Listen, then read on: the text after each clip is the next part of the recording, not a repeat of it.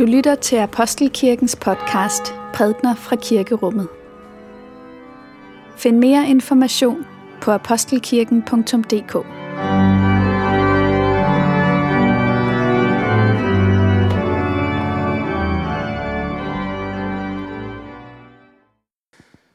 Hvor Gud og skaber, vi takker dig for det håb, du har lagt i vores hjerter. Håbet, der kan bære os gennem strenge tider og få os til tålmodigt at vente på dagens lys. Hvor du kommer i herlighed og får ørkenen til at blomstre og fortvivlelsen til at svinde hen. Lad det blive virkelighed for os, Herre. Giv os blik for alle de tegn, der peger frem mod opfyldelsen. Giv os ører for visdommen i dit ord, så vi får styrke til at vidne om dit rige, hvor Jesus Kristus gør alting nyt fra evighed og til evighed. Amen. Og vi skal lytte til nogle gamle ord om noget, der skal komme fra profeten Esajas. Ørkenen og det tørre land skal glæde sig. Ødemarken skal juble og blomstre. Den skal blomstre som rosen, juble med stor fryd. Den får Libanons herlighed, Karmels og Sarons pragt. De skal se Herrens herlighed, hvor Guds pragt. Styrk de synkende hænder. Gør de kraftesløse knæ stærke. Sig til de urolige hjerter. Vær stærke. Frygt ikke. Nu kommer jeres Gud med hævn. Guds gengæld. Han kommer og frelser jer. Der skal blindes øjne åbnes og døves ører lukkes op. Der springer den halte som jorden, den stummes tunge bryder ud i jubel. For vand vælger frem i ørkenen, begge i ødemarken. Det hede sand bliver til oaser, den udtørrede jord til kildevæld. På chakalernes tilholdssted vokser der rør og siv. Der skal der være en banet vej. Den hellige vej skal den hede, de urene skal ikke færdes på den, men for hans folk bliver det en vej at gå på, hvor dårer ikke flakker om. Der skal der ikke være løver, rovdyr kommer ikke på den, de findes ikke. Der skal de løskøbte vandre. Herrens udfriede vender hjem. De kommer til Sion med jubel. Evig glæde går foran dem. Fryd og glæde når dem. Suk og klage flygter. Lad os takke for Guds ord. For Guds ord i skriften, for Guds ord i blandt os, for Guds ord inde i os, takker vi dig, Gud. Dette hellige evangelium skriver evangelisten Matthæus. Da Johannes i fængslet hørte om Kristi gerninger, sendte han bud med sine disciple og spurgte ham, Er du den, som kommer, eller skal vi vente en anden? Jesus svarede dem, Gå hen og fortæl Johannes, hvad I hører og ser. Blinde ser, og, og lamme går. Spedalske bliver rene, og døve hører, og døde står op, og evangeliet forkyndes for fattige. Og salig er den, der ikke forarves på mig. Da de var gået, begyndte Jesus at tale til folkeskarne om Johannes. Hvad gik I ud i ørkenen for at se? Et siv, der svejer for vinden? Nej. Hvad gik I ud for at se? Et menneske i fornemme klæder? Se, de, der bærer fornemme klæder, findes i kongeslottene. Nej. Hvad gik I ud for at se? En profet? Ja, jeg siger jer, også mere end en profet. Det er om ham, der står skrevet. Se, jeg sender min engel foran dig. Han skal bane din vej for dig. Gode Helligånd, hjælp os til at lytte til det, du vil sige til os, og hjælp os til at lytte til os selv. Amen.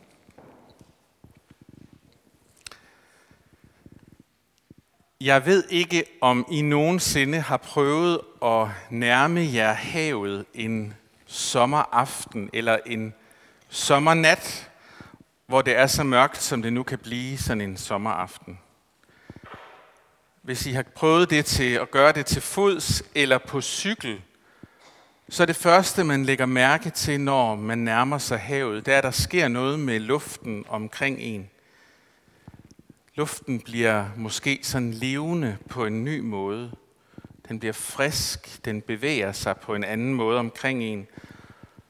Og efter et stykke tid, så kan man måske høre lyden af bølgerne, når de rammer stranden. Og det kan være svært, hvis det er mørkt at se, om man er fremme. Men man dufter, og man sanser nok havet, før man endelig rammer det, kan man sige. Og når man så måske går der en sommeraften, fornemmer havet i luften, lytter, jo, jeg kan godt høre bølgeskvulpene, så kan man få lyst til at være ved havet, når man hører det. Lyden og duften, den, øh, det, det vækker noget i os. En erindring måske om, hvordan det er at sidde ved kanten af sådan et tilsyneladende uendeligt hav. At sidde der og bare se på vandet, det kan der være noget meget fint i at gøre. Sådan så kan vi længes. Vi kan længes i vores hjerte, før det vi egentlig længes efter er noget, vi ser. Vi kan høre eller fornemme det, eller ligesom mærke i vores krop, der er noget, der er godt, jeg gerne vil hen til. Og måske er det lidt den samme længsel, som bliver vagt i Johannes, som han sidder der i sin fængselscelle. Han har hørt om det, som Jesus har gjort, og derfor så spørger han, er du den, som kommer, eller skal vi vente på en anden? Vi kender jo fra de bibelske fortællinger, beretningerne om blinde, der fik synet igen, og døde, der blev vagt til live. Og vi fornemmer, at i det Jesus sagde og talte til mennesker, så boede der noget, som ligesom satte mennesker fri, forløste noget. Der er beskrivelser af en kærlighed, som ikke var sådan kold eller bare ord, men at Jesus elskede med et nærvær. Han var håndgribelig, praktisk og personligt, og så og mødte de mennesker, som han så og mødte, sådan som de var.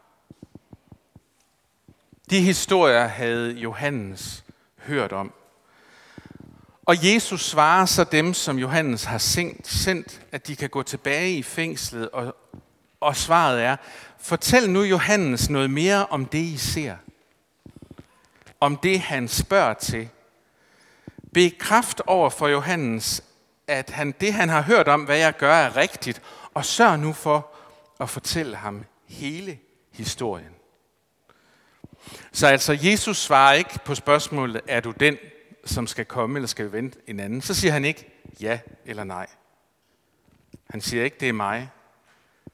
Og så alligevel er det lige præcis det, han gør, for han peger på sit eget liv som svaret på det, som er Johannes' spørgsmål og Johannes' længsel. Det er Jesu liv, der er svaret på det, Johannes længes efter. Og det kan man på en måde sige, det er altid svaret på de spørgsmål, som vi i vores længsel kan finde på at stille. Se på Jesus, det er svaret. Hans liv er dit svar. Han har svaret dig og din længsel med sit liv. Når vi stiller spørgsmål til tingene, så er det fordi, vi gerne vil finde svar. Og når vi gerne vil finde svar, så er det fordi, vi gerne vil finde ro. Vi savner ro. Vi mærker, at der er noget, der mangler, som gør, at vi ikke har freden måske i os. Der er et tomrum, skabt af Gud, i et hvert menneskes hjerte, som ikke kan fyldes af noget skabt, men kun af Gud, skaberen, der er kendt gennem Jesus. Præcis sådan udtrykte den franske videnskabsmand Blaise Pascal det i 1600-tallet. Det var et udtryk for hans tro og et udtryk om, hvad menneskelig længsel i bund og grund handler om, og jeg tror egentlig, han har en god pointe. Vi har en længsel, og vi kan længes. Det er en evne, vi har som mennesker, og det er en evne, som vi har, fordi vi er skabt af Gud. En Gud, der også længes efter os. Så det, at vi kan længes, ja, det er sådan set et udtryk for, at Gud kan længes. Vores længsel har sit udspring i Gud selv. Og vores længsel kan først mødes og besvares helt inde i det dybe af ham, der har skabt os af Gud selv. Det er advent, eller som min autokorrekt hele tiden siger, afvendt tid, vi er i nu her. Og hvad er det så, vi afventer? Ja, det er julen, der kommer lige om lidt. Og for nogle af os, så er julen måske den tid på året, som er mest forbundet med længsler, men også skuffelser. Jeg ved ikke, om Johannes Støberen var skuffet, som han sad der i fængslet. Når vi læser historien om ham, så får vi et billede af et menneske, som havde haft en særlig opgave i at fortælle om ham, der skulle komme. Han var en profet, og profeter, de er bare sådan lidt besværlige og knudrede at have med at gøre. Og det er de jo, fordi de taler sandt og peger på det, som er uretfærdigt i verden. Og det blev altså for meget for dem, der havde magt, og de smed ham i fængsel. Og det er derfra, han stiller sit spørgsmål. Er det, er det nu dig, Jesus? Et spørgsmål, der for Johannes må have været helt eksistentielt. Er det er det, det her? Er det nu? Der er mange ting, som vi kan længes efter. Og jeg tror, mange af os egentlig deler de samme længsler, selvom vi måske ikke taler så højt om dem. Vi længes sådan på vores egne vegne for os selv, men vi længes også for hinanden. Vi længes for verden og for vores klode. Vi længes efter det, som vi hørte udtrykt i teksten fra Esajas, den første tekst.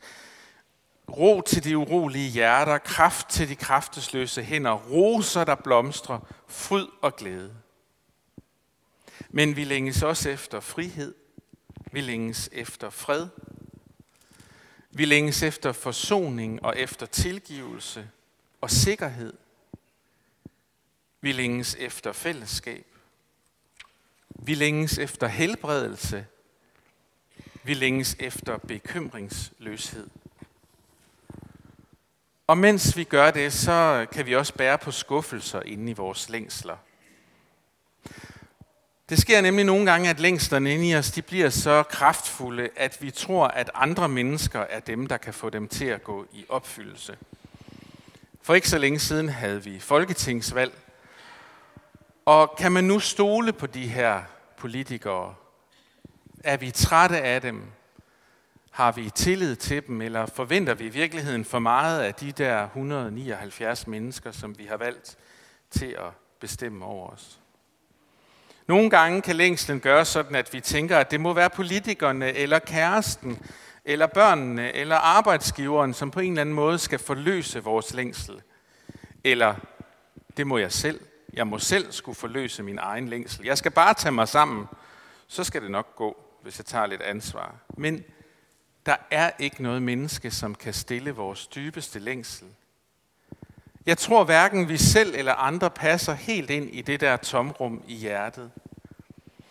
Og dermed så har længslen noget guddommeligt over sig, fordi den spejler den Gud, der længes efter sine mennesker. Og det er derfor, det giver mening, at det kun er Gud, der kan møde vores dybeste længsel. En belgisk født, belgisk født munk, som levede mange år i Sverige, Vilfred Stinesen, han skriver et sted, at mennesket er i sit dyb et eneste stort skrig efter Gud. Dette forklarer, hvorfor det aldrig stiller sig tilfreds med noget, der er mindre end Gud. Menneskets restløshed kommer fra dets tørst efter det uendelige. Vi tørster, vi længes, vi håber, og nogle gange er det lidt svært med håb, hvis vi er blevet skuffet. Og Gud, han tørster og længes efter os. Og der, hvor vores længsel og Guds længsel ligesom mødes, det er i Jesus. Det er i Jesu liv og hans død og hans opstandelse, som er blevet givet os som et udtryk for Guds længsel efter at være sammen med os. Og, Gud levede, og Jesus levede et liv med de sorger og glæder, som vi også kender til fra vores liv. Og derfor er der ingen som ham, der forstår os, og der er ingen som ham, der kan helbrede vores frafald, tilgive os vores fejltrin og elske os med glæde, som der står. Jesus er på en måde både der, hvor vores længsel kommer fra, og der, hvor vores længsel skal lede os hen. Han er vores længsels ophav og vores længsels mål. Han er dukket op. Han er hos os. Og vi venter på, at han kommer igen og gør alting nyt. Modsat havet, som ikke kan længes efter os, så længes han efter os. Og gennem sin ånd, så kender vi duften af Jesus. Vi hører rygterne om ham, præcis som Johannes, der sad i fængslet. Og så kan det godt være, at det kan være vanskeligt for os helt at se ham, eller at vi kan synes, at han arbejder lige langsomt nok og har lige god tid nok en gang imellem. Det kan være, at vores vej går gennem mørkning og dunkelhed, men det er ham, som vi må overgive os til i alle vores dage. Han har vist os, hvem han er. Han har givet os sit liv.